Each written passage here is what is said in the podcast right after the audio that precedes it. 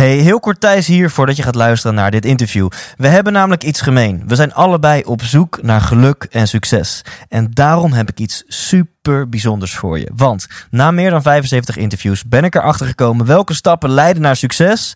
Maar ook dat succes heel vaak niet leidt tot geluk. Wat is nu een methode om succesvol te worden en tegelijkertijd gelukkig te zijn? Die ontdek je in mijn e-book Leef Intens 8 lessen na 75 interviews. Dit e-book kun je helemaal kosteloos downloaden op ikwilgeluk.nl. Dus ga nu naar je browser, typ in ikwilgeluk.nl en ontdek een methode om echt gelukkig te worden. Mijn naam is Jort Kelder en je luistert naar de 100% Inspiratie podcast.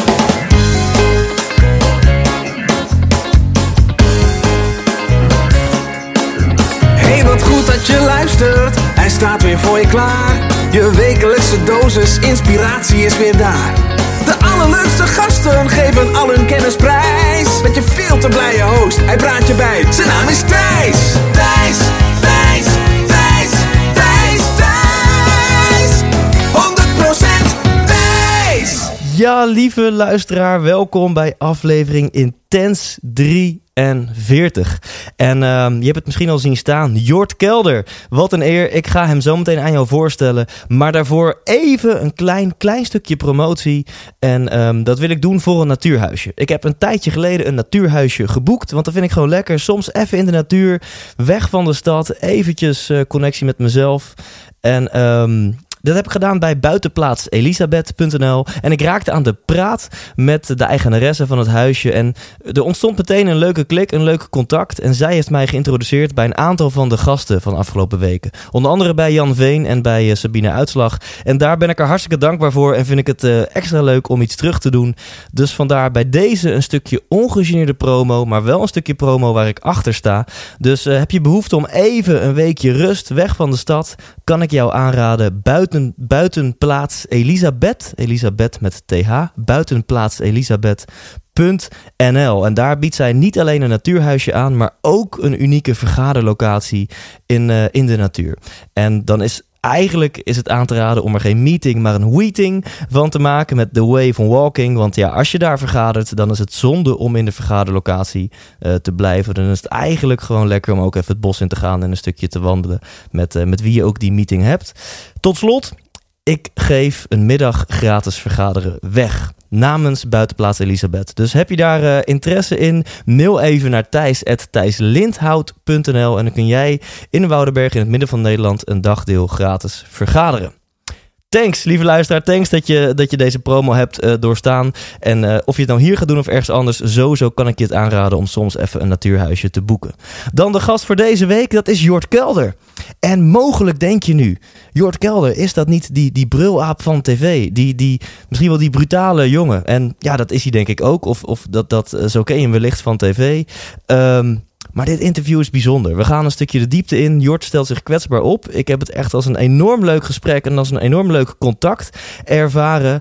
Um, en volgens mij ga je dit wel waarderen. Volgens mij ga je dit een leuk interview vinden. Voor mij was het in elk geval behalve leuk ook erg inspirerend. Want natuurlijk ga ik door met mijn onderzoekje. Natuurlijk vraag ik ook aan Jort. Jij bent van stagiair naar hoofdredacteur van de quote in een paar jaar gegaan, weet je wel. Dat is sowieso zakelijk succes. Hoe heb je dat voor elkaar gekregen? En natuurlijk ben ik ook benieuwd naar Jort hangt met de elite, met de miljonairs, zelfs met de miljardairs van dit land, van deze wereld. En is het niet interessant, lieve luisteraar, om in ons onderzoekje eens aan Jort te vragen van... Zie je dan dat dat soort mensen gelukkiger zijn dan andere mensen? Of zie je juist dat die minder gelukkig zijn en waar worstelen die mensen mee? Het is interessant dat soort mensen hebben waar zoveel andere mensen naar verlangen en levert dat nou ook echt wat op in de, in de zin van levensgeluk? Lieve, lieve luisteraar, ga ervoor zitten en geniet intens. Ik introduceer met vele trots aan jou Jort Kelder. 100% Thijs! Tegenover mij zit Jort Kelder. Een grote eer. En uh, voor mijn luisteraars de bekende eerste vraag, Jort. En voor jou uh, is dit nieuw. Maar hier komt die. Wat wil je worden als je later groot bent? Um, vrij. Vrij. Dat is eigenlijk de, de enige relevant in het leven. Dat mensen zich niet heel erg met mij bemoeien. Uh, en dat ik de vrijheid heb om van deze planeet af te gaan ook en weg te lopen. En als een oude, als een oud wild beest onder de bosjes wegkruipen een keer. Ja, Ja. En is dat iets waar je nu naar verlangt? Dat je wat vrijer zou zijn dan je misschien op dit moment bent? Ja, het curieuze is natuurlijk dat ik heb be- een tijdje in loondienst gewerkt. Als hoofdredacteur van Quote vooral. En ik, dat voelde toen helemaal niet als loondienst. Maar ik kan niet meer terug naar die tijd waarin je zeg maar een baas of een aandeelhouder had. Ik ben in eh, 2007, 8 ben ik zeg maar zelfstandiger geworden. Gewoon een BV'tje begonnen. En, eh, voor zalen gaan optreden, televisieprogramma's gaan maken. En dat is ogenschijnlijk een enorme vrijheid. Want ik doe voor 70, 80 procent wat ik wil. Ehm 100% is denk ik leuk om te willen, maar dat, dat lukt niet. Maar ehm, ik heb dus heel lang in loondienst gewerkt. Ik ben pas in- sinds een jaar of tien echt, nou ja, officieel vrij. Maar laten we wel wezen, iedereen is slaaf van zijn agenda, slaaf van zijn e-mail, slaaf van zijn apps. En ehm, die, eh, het is net weer eh, jaarwisseling geweest. En dan moet je altijd goede voornemens, ook een naïeve gedachte. Mhm. Nou, ik hoef niet dunner, ik hoef niet eh, te stoppen met roken. Maar ik wil echt wel verlost worden van mensen die iets van me willen, waar ik dan toch te aardig tegen ben. En, en Zoals jij bijvoorbeeld.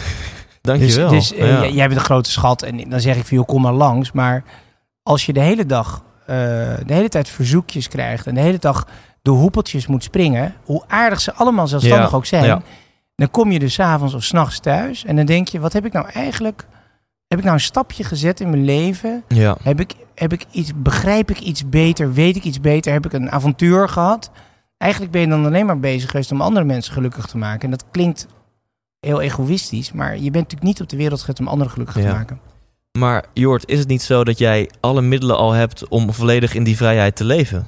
Dat is niet waar, want ik ben- ook een slaaf van deze consumptiemaatschappij. Dus laten we zeggen, de, het materiële eh, genot, de huizen, de auto's, eh, de etentjes, de partijtjes, de, de, de reisjes, het moet allemaal betaald worden. Het is niet zo dat ik genoeg geld heb om te kunnen stoppen. Mhm. Ehm, eh, ik hoop wel dat het zo is dat ik met minder kan. En, en kijk, ik zit nu bijvoorbeeld in een fase dat ik ga verhuizen. En dat is ook zo'n moment dat je afstand gaat doen van herinneringen, van dingen, van spullen. En ik hoop ontzettend dat ik het voor elkaar krijg in 2017 om eh, met maar 20, 30 procent van mijn spullen door te gaan die ik had. Ja, ik- Want ik, ik ben bijvoorbeeld al jaren gestopt met, ik geef geen cadeaus meer, ik wil geen cadeaus meer. Het grootste cadeau is aandacht, liefde, Ja. eh, attentie voor iemand, iemand zien en iemand waarderen. En het grootste, aan, grootste genot is niet bol.com intikken en een cadeautje kopen en laten opsturen. Ja. Dat is gewoon makkelijk, kan je gewoon betalen en dat kunnen we ook allemaal betalen. Maar dat, ik vind, we moeten van die consumptiemaatschappij af en we moeten terug naar, eh, nou, naar onszelf. En naar, dat is ook een onderschat fenomeen, naar stilte. Is dat iets waar je nu bewust of misschien onbewust naartoe aan het werken bent? Dat er een moment komt, misschien dat er een leeftijd komt waarop jij wel die 100% vrijheid... eh, dat, is een, dat is eigenlijk een permanent gevecht. Eh, ik heb sinds een paar jaar heb ik een huisje aan zee. ja. Eh, in de stilte, in de, de, tussen mij en Noorwegen zeg ik maar even zit niks. Eigenlijk ben ik daar ook best eenzaam. Maar ik dwing me tot die eenzaamheid om daar alleen met mijn katten en mijn boeken te zijn. Om te kunnen nadenken. Lukt nog steeds niet goed genoeg. Dus jij gooit je katten in de auto en dan rij je naar je huisje toe? Ja, ja, dat is op Terschelling, dus ik, er zit nog een bootje tussen. Ja, ja. Ehm, eh, maar daar geniet ik wel van. En, eh, de, maar ik denk dan ook wel, word ik niet te veel kluizenaar in deze fase Ja. van mijn leven? Ben ik niet een beetje een zonderling aan het worden die zich begraaft met boeken uit de, over verhalen uit de 17e, 18e, 19e eeuw? Eh, ja, dat is niet. Je moet, kijk, je kan wel heel veel lezen over avonturen, maar misschien moet je ook wel avonturen meemaken. Ja. Ik maak in die zin te weinig mee nu. En de dingen die ik meemaak zijn de optredens, de televisieprogramma's die ik maak. En daar zit iets artificieels, iets geproduceerds in. ja. ja dus de Het balans... toeval is in die zin uit mijn leven weg. En dat is wel Ja. jammer, anders is het geagendeerd. Dat is het Ja, misschien. ja, is dat het? ja. Het toeval. Ja. Laat, ik bedoel, ik heb nu vanmiddag vrij. Ja. Dan, ga ik, dan kan ik hard naar huis rijden en dan heel hard gaan tikken aan een stuk. Want er zijn altijd stukken Ja. die getikt moeten worden. Er zijn Ja. altijd afspraken die gehaald moeten worden. Maar eigenlijk moet ik nu het land inrijden, ergens stoppen en gewoon eens kijken wat er gebeurt. We zullen kijken of dat lukt. Je mag me volgende week bellen of ik dat Oké, doe. oké, dat vind ik leuk. Ja, want dat, dat is de vraag vaak. In het moment, waar kies je in het moment voor? In de heat of the moment kies je vaak toch inderdaad voor, het, voor achter die laptop kruipen, denk ik. In Het plaats comfort van... of de dwang. Een van die twee dingen. Ja, Het makkelijke. Het, het Ja. wat je kent. ja. En, ja. En ehm, je, je zegt niet voor niks vrijheid. Dat is het eerste wat je zei op mijn vraag. Dat, dat ergens iets in jou denkt, is ervan overtuigd dat jou dat heel gelukkig maakt. Dus, dus wat, wat, wat, wat zou vrijheid jou geven? Of wat geeft vrijheid jou? Nou, de, vrijheid geeft mij, het, het, het, het geeft mij de mogelijkheid om. ehm, Nee, de- de- de- de- kijk, dat zit ook een beetje in het bekend zijn. En laten we wel wezen, ik ben bekend in Nederland, maar ik ben niet een ster of ik ben niet een, weet je wel, eh, je hebt beroemde mensen die kunnen niet over straat en die, weet ik het. Dat helemaal niet die categorie. Dus ik ga niet belangrijk zitten doen, er, eh, even voor het goede begrip. Maar dus ik kan nooit helemaal ongezien ergens zijn in Ja. Nederland. En eh, er zijn best veel mensen die zich met mij bemoeien.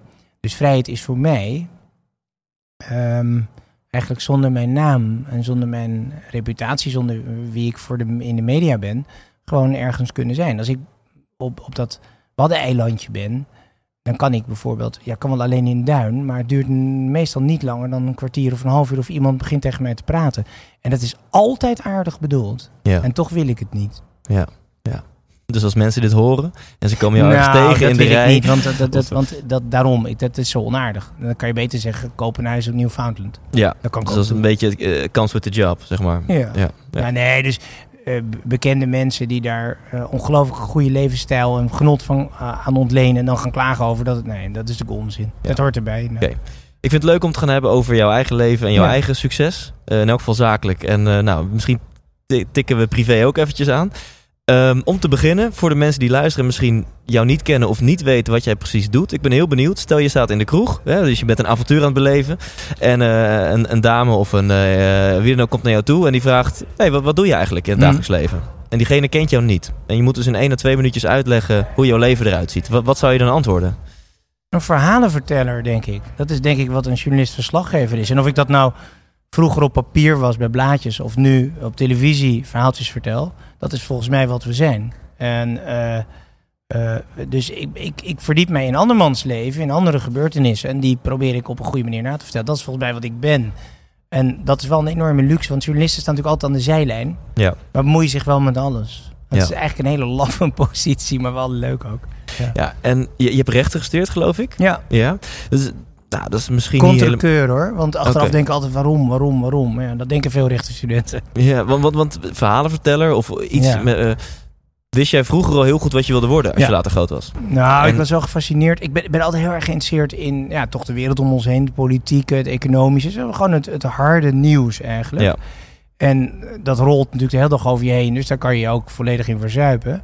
Dus ik wilde eigenlijk als jochie, toen ik tiener was, wilde ik... eh, ik begon kranten te lezen. Ik begon me te interesseren voor de wereld. Ik kom uit een hele, ehm, laten we zeggen, op debat ingesteld jongensgezin. Dus met een dominante vader die eh, bij ons aan tafel... Ik ben de jongste van drie Ja. jongens. Moet je, bij ons aan tafel moest je je gewoon profileren. In de zin van je moest gewoon... Als, ik was de jongste, dus ik moest gewoon een grote mond hebben. En eh, met twee oudere broers en een dominante vader en een moeder die ook niet echt dom was.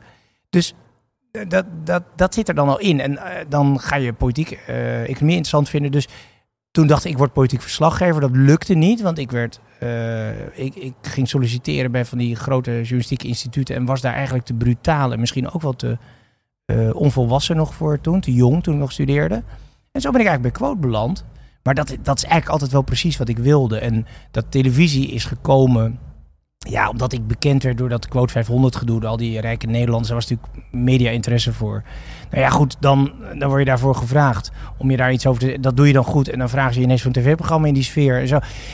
Het, het nadeel ervan wel is dat je dus... Dat werkt altijd zo in de media. Het is allemaal vakjes denken. Het is allemaal typecasting. Dus ik ben dat rechtse balletje die veel van geld weet. Ja, die iets van ja, adel weet nu. Die, en dat is ook zo, want dat ben ik ook wel. Maar ik ben natuurlijk ook iets anders. Ja. Ik ben ook een stille, eh, best een beetje op boeken, op inhoud, op lezen. eh, ja, ik weet je, ik, het liefste, mijn, mijn grootste gelukmoment is als ik op het buitenei in Amsterdam dobber met mijn anker uitgeworpen vlak voor Pampus. Ja. eh, en een boek lezen. Eh, Dat, dat zijn mijn geluksmomenten. In, in alleenigheid. Met een telefoon die op stil staat. En heb je daar moeite mee, dat typecasting? Dat ook als mensen jou boeken, dan verwachten ze ook de Jort die we kennen van tv. Ik moet en- naar een optreden bijvoorbeeld, zoals hier. Ik moet in Bretels. Want, want bij Jort horen Bretels. En als ik in mijn elektrische autootje kom of in mijn oude Defender, dan is men teleurgesteld. Want dan verwacht men een auto met een V8 met een hoop kabaal. Dus dat, dat zo werkt typecasting. En in alle eerlijkheid, en dat is ook vrijheid. Ik geef het ze niet altijd, maar meestal wel. Ja. Omdat het is ook flauw om te zeggen, jullie boeken mij. Ik kom ergens optreden, betaal ze een paar duizend euro voor. Het is een beetje flauw om dan te zeggen, ja, eh, ik, doe niet, ik ga dan iets heel anders doen. Ja. We zitten hier in een zaal, Katja Schuurman treedt op. Ja, als Katja nu als een jongetje verkleed gaat, dat zit ze ook niet echt op te wachten. ja, precies. Of in de kloffie. ja. Ja. En eh, is dat dan wel 100% Jort, zeg maar? Nou, ook. Maar het zijn, het, het- dat is ook... Kijk, ik heb nooit... Ik krijg geen maagsfeer omdat ik iemand anders moet spelen dan ik ben. Nee, Kijk, ik maak nee. een programma, hoe heet het eigenlijk, over oud geld, over Ja. oude kakkers. Er zitten heel veel verkleedpartijtjes in. Er zitten heel veel van die, van die formele en van die rare etiketten dingen. Ja. Ook allemaal een beetje onhandig. Ben ik ook een beetje te verlegen voor. Als ik op een Weens bal ben, ja, ben je dat? Nee, dat ben ik natuurlijk niet echt. Maar Nee. daar speelt iedereen een toneelstukje Ja. mee. Maar een toneelstuk kan ook een onderdeel van het leven zijn. Het maakt het leven namelijk ook wat aardiger. Ik bedoel, ik vind eh, Live the Dream. Dus maak ook, maak ook een beetje een dromig Disney-achtig bestaan. Waarom zou dat niet mogen? Ja. Eh, als je de, de- dat Calvinistische, doe maar gewoon en allemaal simpel broodje kaas. Nee, Ja. helemaal niet. Ik vind juist dat je bijzondere momenten moet creëren. Ja. Ja. Met je vriendjes, met je geliefden. Eh, ja, natuurlijk. Eh, dat leven duurt zo allemachtig kort. Ik hoor net van Katje dat je 100 plus kan worden. En dat zij het ook zeker wordt. Maar ik moet nog zien. Oh, dat heeft ze net gezegd? Nou ja, ze is geloof ik erg met eh, de dood nu in de weer eh, voor een programma. En, eh, Oh, Oké. Zij denkt echt dat ze 100 zoveel wordt. Nou, prima. Ik hoop het van harte Ja. voor haar in de wereld. Nou, ik, ik las laatst een interview met de hoofdinnovatie of hoofdtechniek van Google. En die beweert dat de oneindige mens, eh, de, de huidige generatie, die, die hebben het oneindige leven als ze willen. Ja, maar- nou, ik, ik bedoel, wie ben ik om dit tegen te spreken? Aan de andere kant, ik lees altijd dat het menselijk lichaam met de bottenstructuren al zo'n 120, 130 jaar mee kan. Ja. ja. En dan moet dat, de, voor mij is nog even een stapje te zetten om van 100 jaar naar eeuwig te gaan. Voor mij heeft, is één iemand dat gelukt. En daar lezen we nog steeds boeken over. nu. Ja, dus ja, eh, ja, ik weet het niet hoor. Terug, terug naar jou, bij Quote. Van stagiair naar hoofdredacteur in een redelijk korte tijd. Hoe heb je dat voor elkaar gebokst? Nou, niet door te boksen, want ik hoef er niet heel veel ruzie te maken. Ja, Uh-huh. misschien met, met verhalen, maar niet met intern. Ja, dat, kijk, het is een ontzettende overschatting. Carrière maken is, een, het is, laten we zeggen, eh, voor de helft inzet. Eh, iets kunnen, een zeker talent hebben. En dat talent moet ook herkend worden door de anderen. In het geval van mij, dat ik ook best leiding kon geven. En dat ik, nou ja, ik kon natuurlijk goed schrijven en eh, weet ik veel. Dus, dus ik, ik had wel respect van mijn collega's om de chef te kunnen. Maar als jij hoofdredacteur wordt van een redactie en je kan bijvoorbeeld zelf helemaal niet schrijven Mhm. dan, dan kan je ambachtelijk al daar niet de baas van zijn. Want hoe kun je dan hun verhalen beoordelen? Dan kun je een goede manager, regelaar, weet ik wat zijn. Maar dat is eigenlijk niet genoeg. Dus dat kon, dat, de- ik had een baas, Maarten van der Bigelaar, de oprichter van Quote, die dat in mij zag. Maar het andere is natuurlijk gewoon mazzel. Want laten we wel wezen, de echte goede kandidaat was net weg of zo. Die was bij het Financieel Dagblad gewerkt of bij het NRC Handelsblad. Of er was, het ging niet zo goed met die redactie, er was wat aan de hand met dat blad. Weet je, er waren omstandigheden waardoor er ineens een gat open eh, viel. Eh, eh, mijn voorganger werd er min of meer uitgegooid. En dan, weet je, dan... de- dus iedereen roept, god, wat was je jong, want ik was 8, 29. Knap dat je toen zo jong hoofdredacteur bent geworden. Maar dat was ook een kwestie van, we konden op dat moment even niemand anders vinden. En dan is het eerste half jaar is ontzettend moeilijk. Mhm. Want dan moet je het bewijzen. En het was ook zo, toen ik bij Quote hoofdredacteur werd. Als ik het niet binnen een half jaar, een jaar voor elkaar kreeg... dan zou het blad Ja. sluiten. Want het ging helemaal niet zo goed met Quote. Maar dat is misschien ook wel lekker, toch? Een, be- een beetje frisse druk. Nou, van, het was hey, wel alles jezelf- of niet. Ja. Het was in die zin alles of niet. Dus wat ik heb gedaan is eh, de redactie naar mijn hand proberen te zetten. Eh, twee mensen eruit gezet die ik niet goed genoeg vond. En ook eh, niet bij het blad vond passen. En voor de rest eh, gewoon heel hard gewerkt. Want ik heb de- zeker de eerste tien jaar van mijn, nou, als je het carrière noemt, eh, dan noem ik het eigenlijk niet. Maar van mijn werk heb ik mm, ja, wel zo hard gewerkt dat daar ook denk ik relatie wel kapot onder ging. Mhm. Ehm, alles lezen, alles, echt een control freak, alles willen weten, alles willen zien. ja. En ik ben pas rond de eeuwwisseling, ben ik een beetje losgegaan. Ben ik wat, nou ja, genieten in de zin van wat, mezelf wat meer gaan permitteren in vrijheden. Ja. En ook door, dat mag je ook best weten, relationele ellende, dat je gaat glijden. Dat je eh, in feite de tijd aan de verkeerde dingen aan vrouwen gaat besteden. Ja. Dus daar is ook wel een fase geweest dat het een beetje een chaos in mijn leven was. En eigenlijk sindsdien nog wel. En sindsdien nog wel. En eh, Ja, dat is wel wel, mee. wel een wake-up call geweest. nou, ik, nou, nee, kijk, nee, ik denk dat je de basis van.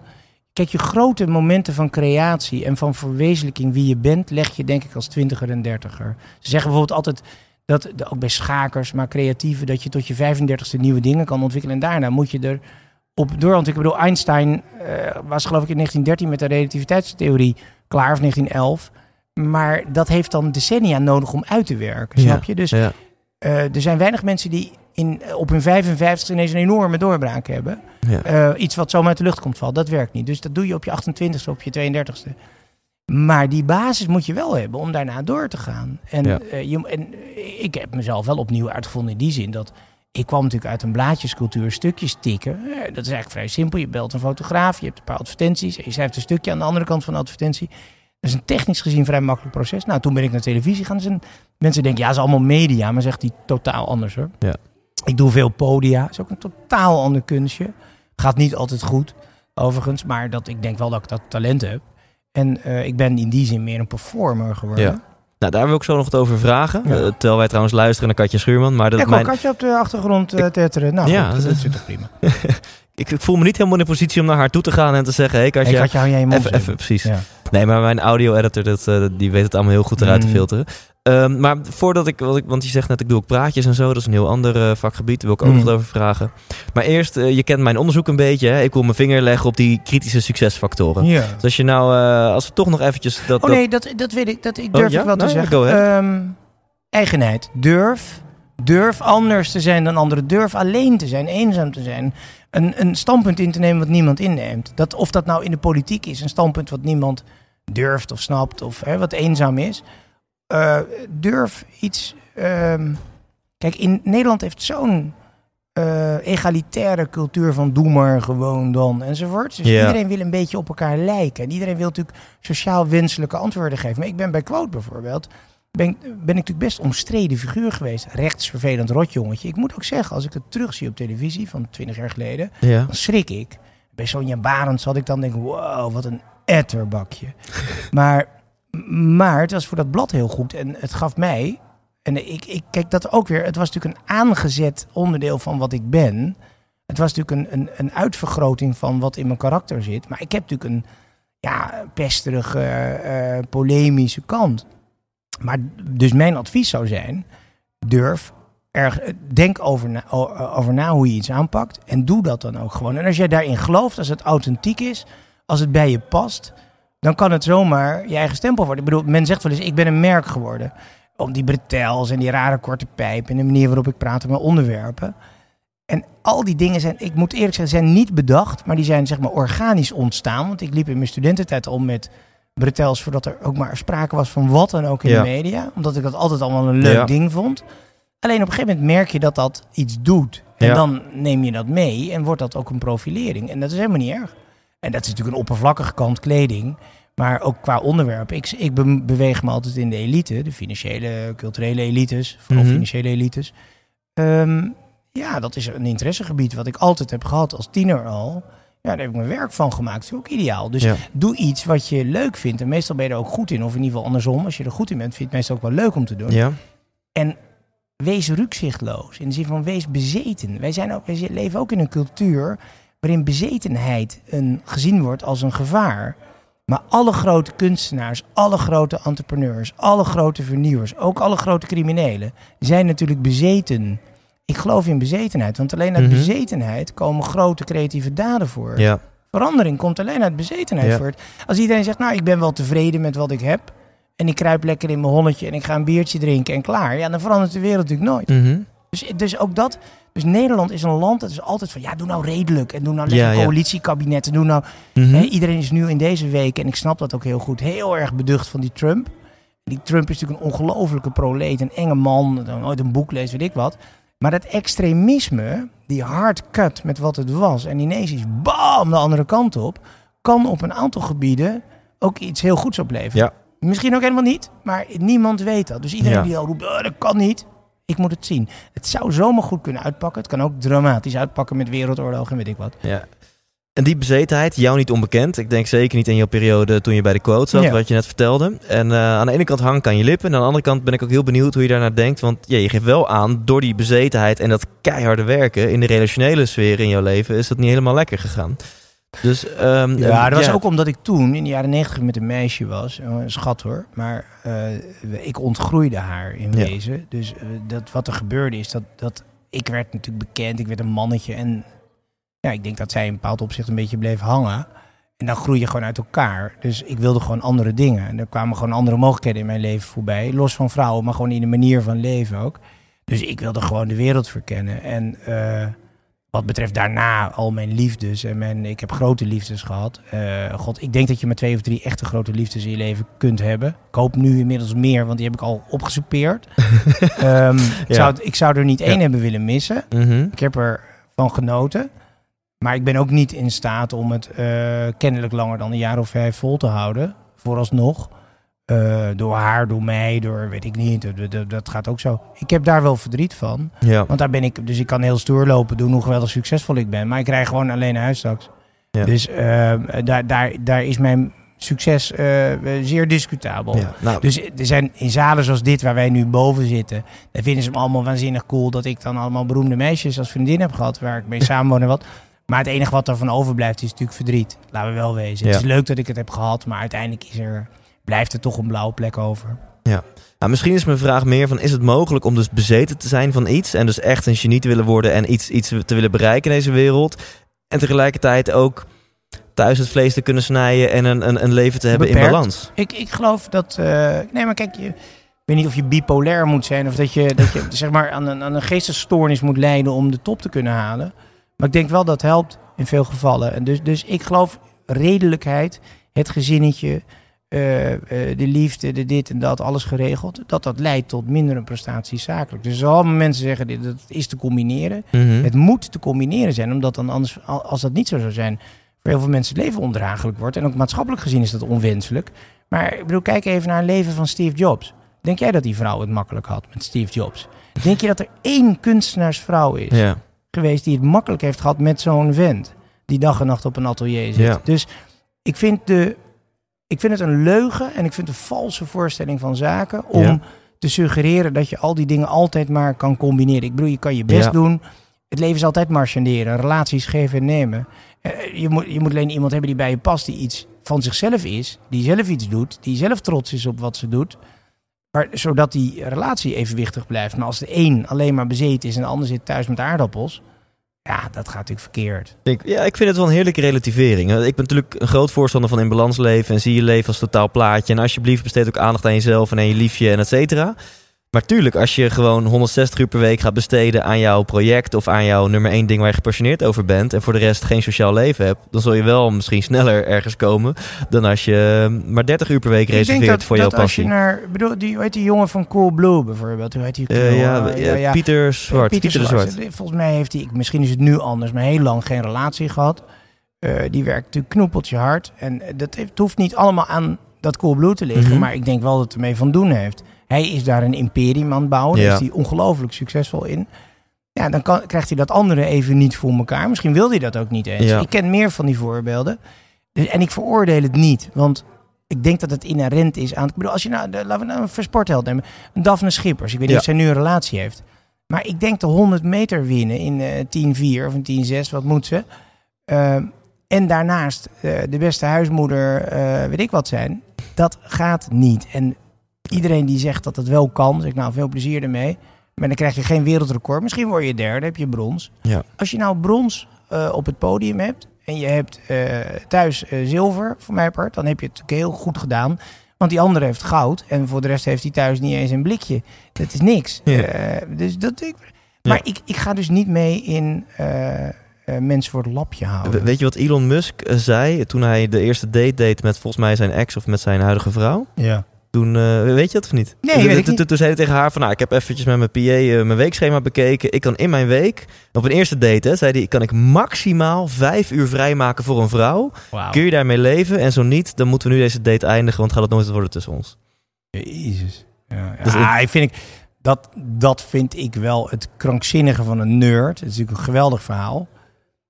Maar ja, dit is, en hij mag dat ook vinden. En hij mag, hij hoeft, het hoeft, ze hoeft natuurlijk niet met die gozer te daten. Ja. Ik ben benieuwd of dat stand houdt hoor. Ja, dat... Want eh, uiteindelijk, eh, zo'n vrouw wil ook aandacht. En Ja. terecht, heeft ze ook recht op. Ja.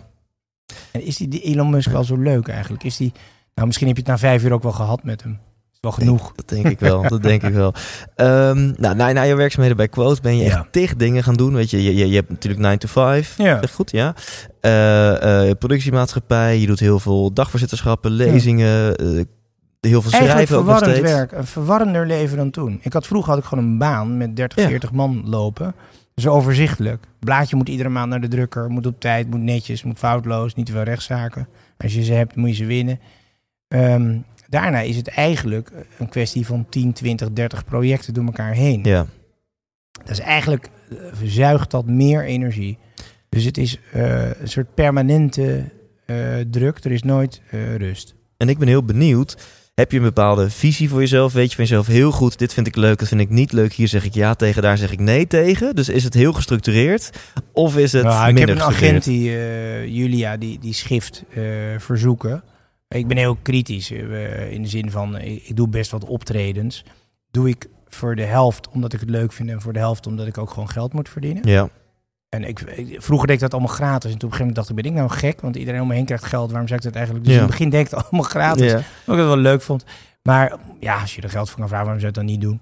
Ehm, nee, ik ben wel... Ik ben wel kijk, dat is een van de beste dingen van oud worden. Kijk, oud worden heeft, denk ik, vooral nadelen. En eh, ik ben inmiddels 50 plus. Wat natuurlijk een schande is. En wat ook ontkend moet worden. Nou, je ziet er kapot sexy Ja, uit, Jort. precies. Laten we er eerlijk over zijn. maar maar de, de, wa- wat er... eh, je leert wie je bent. En, eh, en je leert dus... Mijn tijd wordt toch, ondanks dat eeuwige leven, schaarser. En je gaat dus meer schiften in wat je wel en niet wilt. Dus als er een verzoek komt wat niet bij mij past, ik niet doen. Ja. Eh, daar ben ik heel snel in. En eh, mensen waar ik geen, tijd heb om, geen zin heb om tijd in te investeren, daar ben ik ook redelijk snel mee. Mhm. Iedereen wil even met je zitten. Ah, laten we, ik kom even weer langs, even een kopje koffie drinken. Ja. Even.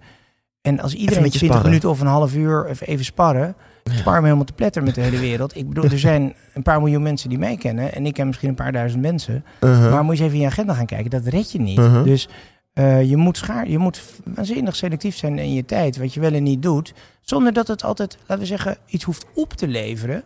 Maar je weet in ieder geval wel, als je bepaalde gesprekken aangaat, omdat ik dan ook weer te aardig ben in zo'n gesprek, dan ga ik op allemaal dingen in die ik eigenlijk niet helemaal wil. Ja. Dan op het laatst zit ik met weer een project erbij. Ja. En hoeveel bordjes kan je in de lucht? Ja. Ik, ik zal je een voorbeeld geven. Er zijn in Nederland ontelbaar veel goede doelen. Honderden, misschien wel duizenden. Mhm. Nou, ik heb op een gegeven moment gekozen, ik doe alleen iets voor dieren, vegetarisme, eh, groene doelen, eh, klimaatverandering, weet ik veel. De, nou ja, ik krijg alleen al voor de verkiezingen die eraan komen, krijg ik ontzettend veel verzoeken of ik allemaal even een debat wil leiden. Maar dan moet je natuurlijk in één zo'n topic. De een komt over de ontwikkelingshulp, de ander komt over inderdaad het groene beleid, de derde over de economie, de vierde. Nou, dat gaat maar door zo. En op een gegeven moment denk ik van jongens, dat moet ook allemaal gratis natuurlijk, want politiek, nou, dat doe ik graag, maar doe ik er één of twee. Ja. Gewoon sele- selectief zijn, dat moet. Ja. Snappen mensen ook wel hoor. En, eh, ik had een eh, bijzonder goede vraag. Oh ja, dit is de- dus je hebt wel een duidelijke, uh, dit biedt een duidelijke visie van waar je ja en nee Nou. tegen zegt. Nee, maar heb je nou duidelijk wat je wil worden later? Ja, ja, precies. Want dit is een beetje dag tot dag dat je weet. Nou, met, Wat ik wil gaan maken is, ik wil documentaires gaan maken. ja? Dat is lastig in het eh, omroepklimaat nu, omdat natuurlijk die, nou, die publieke omroep best een beetje onder druk staat.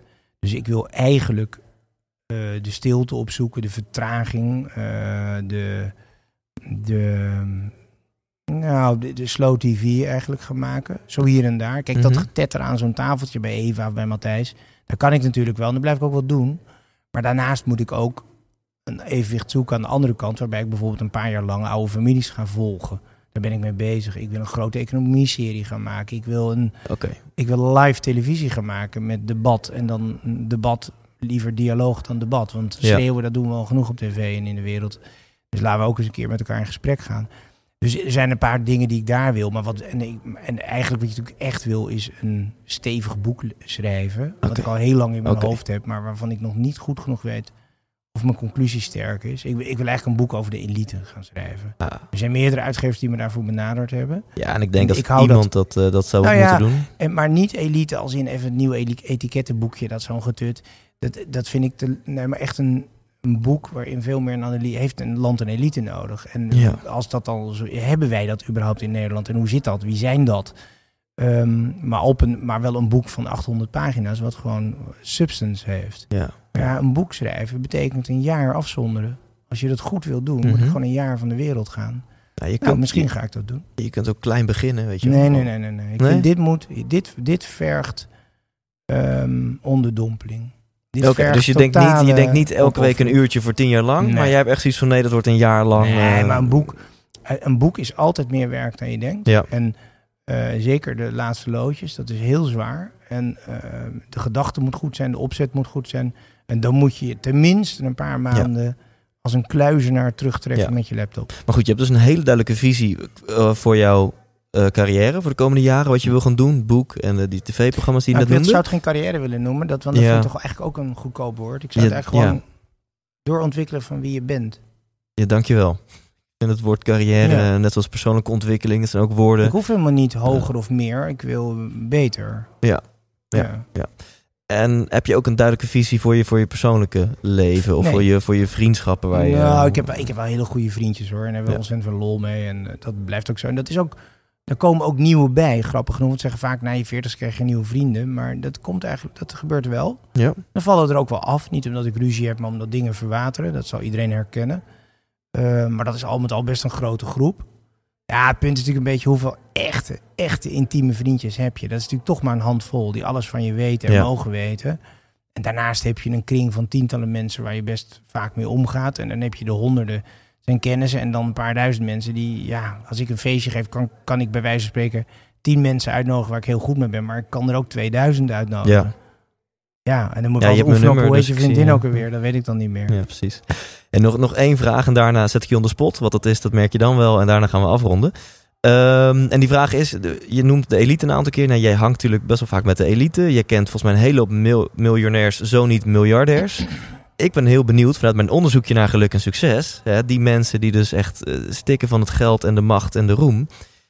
Wat, zie jij daar als je naar hun kijkt door een bril van... hey, ben je echt gelukkig? Ehm, nee, dat, dat geluk heeft, dat is al lang ook wetenschappelijk bewezen met die Maslow-curve. Dat geluk werkt. Je moet, je moet wat te eten hebben, je moet een dak boven je hoofd, je moet stabiliteit, vrede, veiligheid hebben. Maar dat heeft eigenlijk, ja, dat heb je bij een paar duizend euro misschien ook al per maand. Maar ni- ni- niet, eh, daar hoef je niet een miljard voor te hebben. Er is zelfs een omgekeerde correlatie dat eh, als je, laten we, de bankiers zeiden wel tegen mij, je ziet mensen veranderen als ze meer dan een miljoen of vijftig hebben. En dan worden ze, nou ja, maar dan worden ze bang, dan worden ze bang om het te verliezen. Dan moeten ze bang zijn voor hun kinderen die gekidnapt worden. Dan, dan, dan ontstaat er dus een soort, de wereld is op mijn geld uit. Nu moet ik uitkijken. Dus de eerste miljoenen zijn leuk. En dan kun je daar nog eens een weggeven, een feesten geven. Maar er komt een moment dat vriendschappen er ook door veranderen. Omdat Ja. die verhoudingen, ik bedoel, de ene jongen van school heeft niks verdiend en de andere heeft een miljard. En dat, dat is lastig. Dat, weet je, dat leidt altijd, ja, wie geeft het rondje in de kroeg?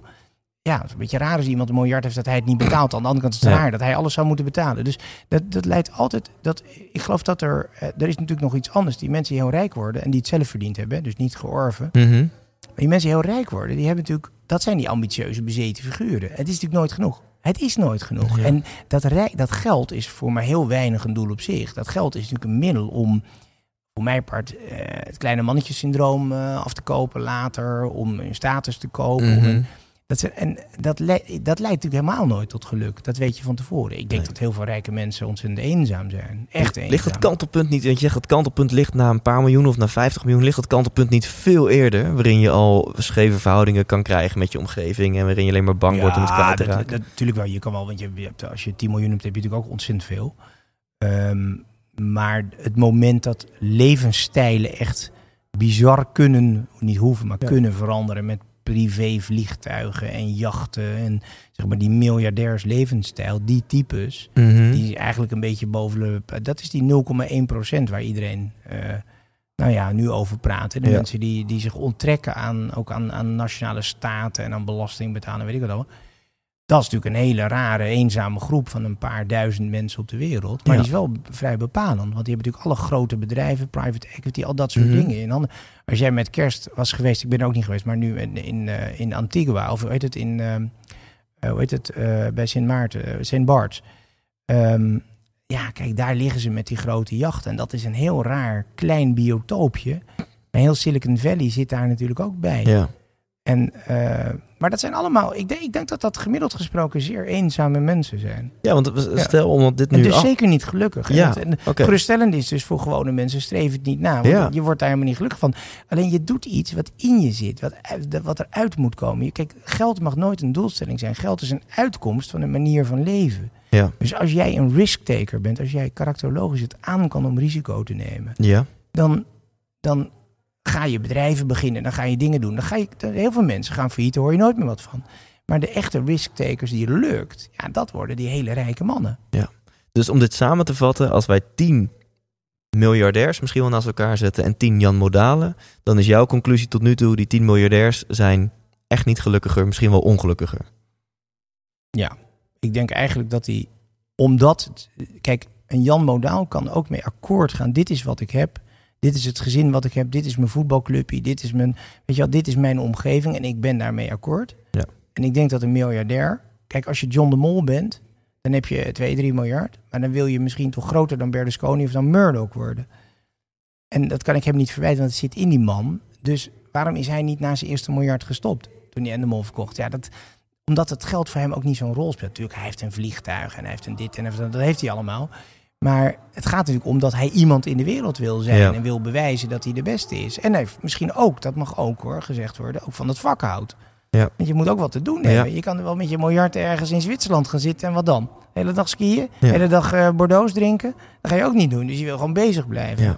En ik- ik vind, ik vind wel wat natuurlijk de nieuw soort miljardairs, laten we zeggen de tech-miljardairs. Kijk, Mark Zuckerberg, die loopt natuurlijk altijd met een t-shirtje. Ik denk dat hij zich wel iets meer luxe dan een t-shirt kan permitteren. Nee, maar het is wel leuk dat dat materialistische, Ja. dat patserige er aan de buitenkant in ieder geval een beetje af is. Ja. Het is nooit helemaal waar. Want ook die jongens van Google, die ook allemaal heel informeel doen, hebben gewoon girlstreams hoor. Dus Ja. het is niet zo dat ze... eh, laten we nou niet... eh, De, die de, jongens gaan met hun- die commuten lekker met de metro naar hun werk. Nee. echt niet zo. Nee, nee, nee. Maar ik vind wel, dat, en dat is misschien met die rijken trouwens wel het leukste van de afgelopen twintig jaar. Vroeger was rijkdom iets wat je of van je ouders kreeg, en het erf je dan. Of je had je er helemaal de kleren voor gewerkt en op je 55 verkocht je je bedrijf en was je rijk. Ja, En nu heb je gewoon jochies van 20, 30, die zijn serieus rijk, maar ze hebben ook de wereld veranderd met hun technologie. Ja. Met, ik bedoel, Mark Zuckerberg, hey, waar meer dan een miljard mensen gebruik van maken, is fantastisch? niet normaal. kan je allemaal dingen over Facebook zeggen die niet aardig zijn. Maar dit is toch, hij heeft, en Elon Musk heeft toch gewoon de wereld veranderd. Ja. Met zijn elektrische auto's. Ja, ik vind dat echt. Dus dat is nu het aardige van deze tijd. Omdat je in een technologische revolutie zit nu. Naar een nieuwe fase gaat. Heb je dus niet alleen maar rijkdom. Maar heb je ook mensen die, nou ja, hier en daar zelfs een heel klein beetje aan geluk kunnen bijdragen. Of ze het zelf zijn, ik betwijfel het. Precies. Ja, dankjewel. Ik ga je onder spot zetten. Eh, dat zijn een aantal tegenstellingen en dan mag jij, dat kan je volgens mij heel goed, mag je vanuit je intuïtie antwoorden. Ja, dat nee. Zijn, ehm, nee, ja? Ja, een van de twee mag je dan eh, kiezen.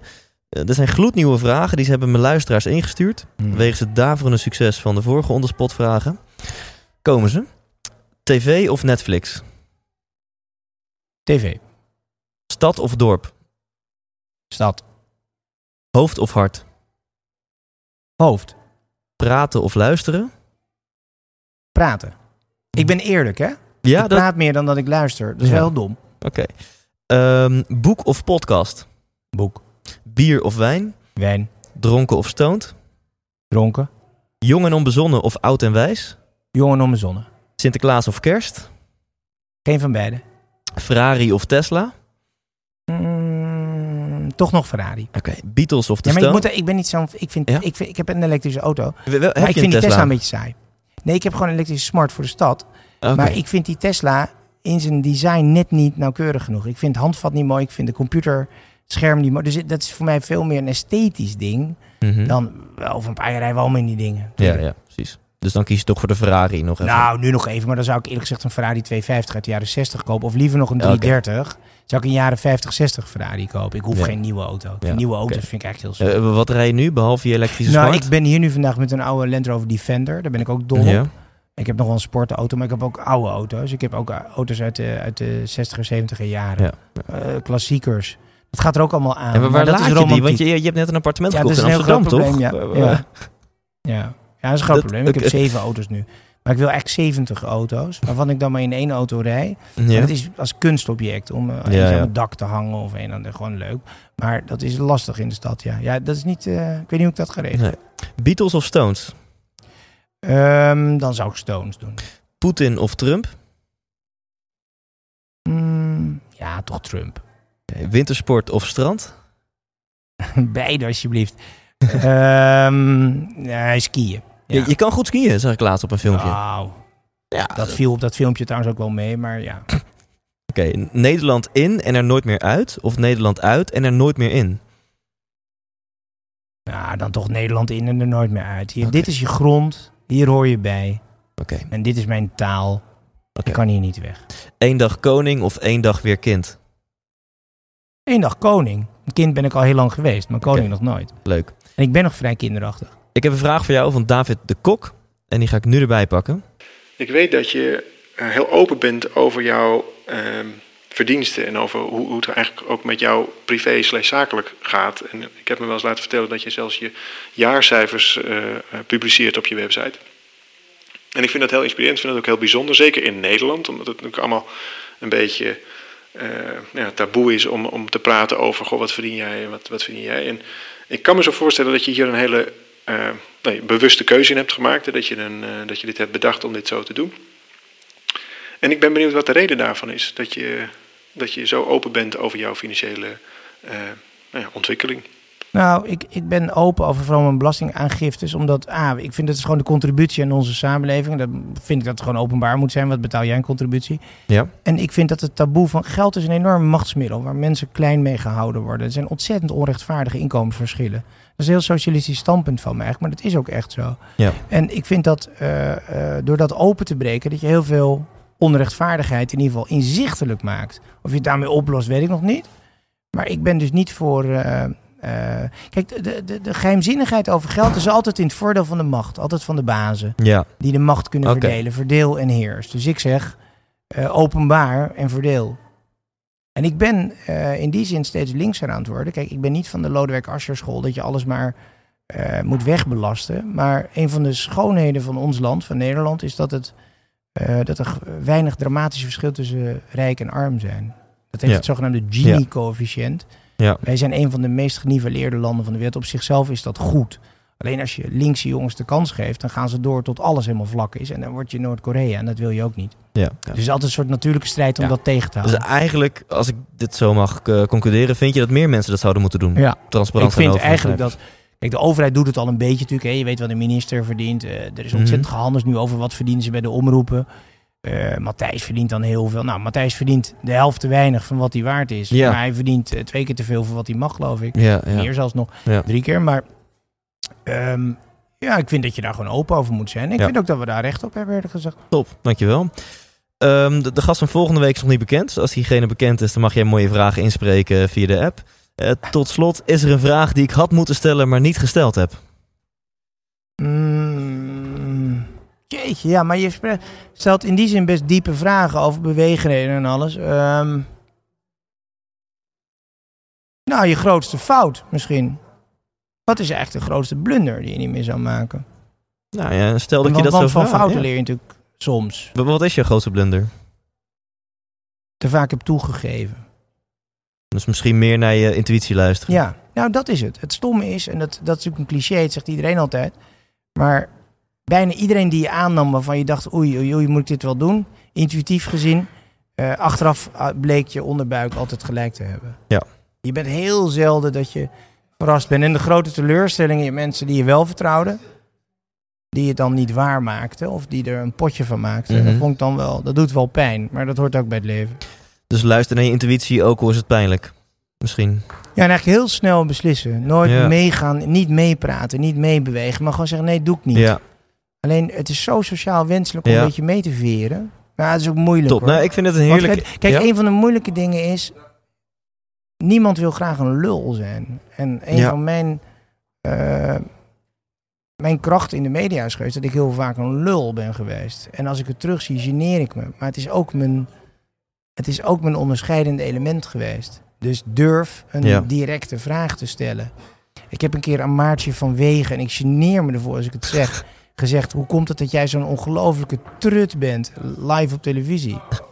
En dat is natuurlijk onaardig tegen die vrouw. Alleen het is natuurlijk de vraag die iedere kijker dacht: van waarom is die vrouw als het over het Koningshuis gaat zo truttig? Ze was echt tuttig. Nou ja. Ik vind het een mooi inzicht om mee te eindigen. alsjeblieft. Ja, dankjewel. Dankjewel, dankjewel. Piet. 100% wijs! Ja, bedankt, bedankt voor het luisteren. Wil je nog kans maken op een gratis middagje vergaderen in de natuur? Check dan eventjes eh buitenplaatselisabeth.nl, buitenplaatselisabeth.nl. En wil je daar kans op maken? Stuur dan eventjes een mailtje naar thijs.thijslindhout.nl. En eh, als je me dan toch mailt, laat me even weten wat je van dit interview met Jort vond. Dat vind ik altijd leuk om te horen. Positieve punten, feedback, alles is welkom. Thijs.thijslindhout.nl Volgende week maandag staat er weer een nieuwe aflevering voor je klaar. En tot die tijd, leef intens. Hey, Thijs hier nog even heel kort. Als je dit interview hebt geluisterd, dan ben je net zo'n gelukstijgertje als ik. En dan is er maar één ding wat je nu het allerbeste kunt doen. Namelijk gaan naar ikwilgeluk.nl, want daar download je helemaal kosteloos mijn e-book en ontdek je wat wel en niet gelukkig maakt. Oftewel, bespaar jezelf een hele hoop ellende van het zelf proberen uit te vogelen en ga nu naar ikwilgeluk.nl.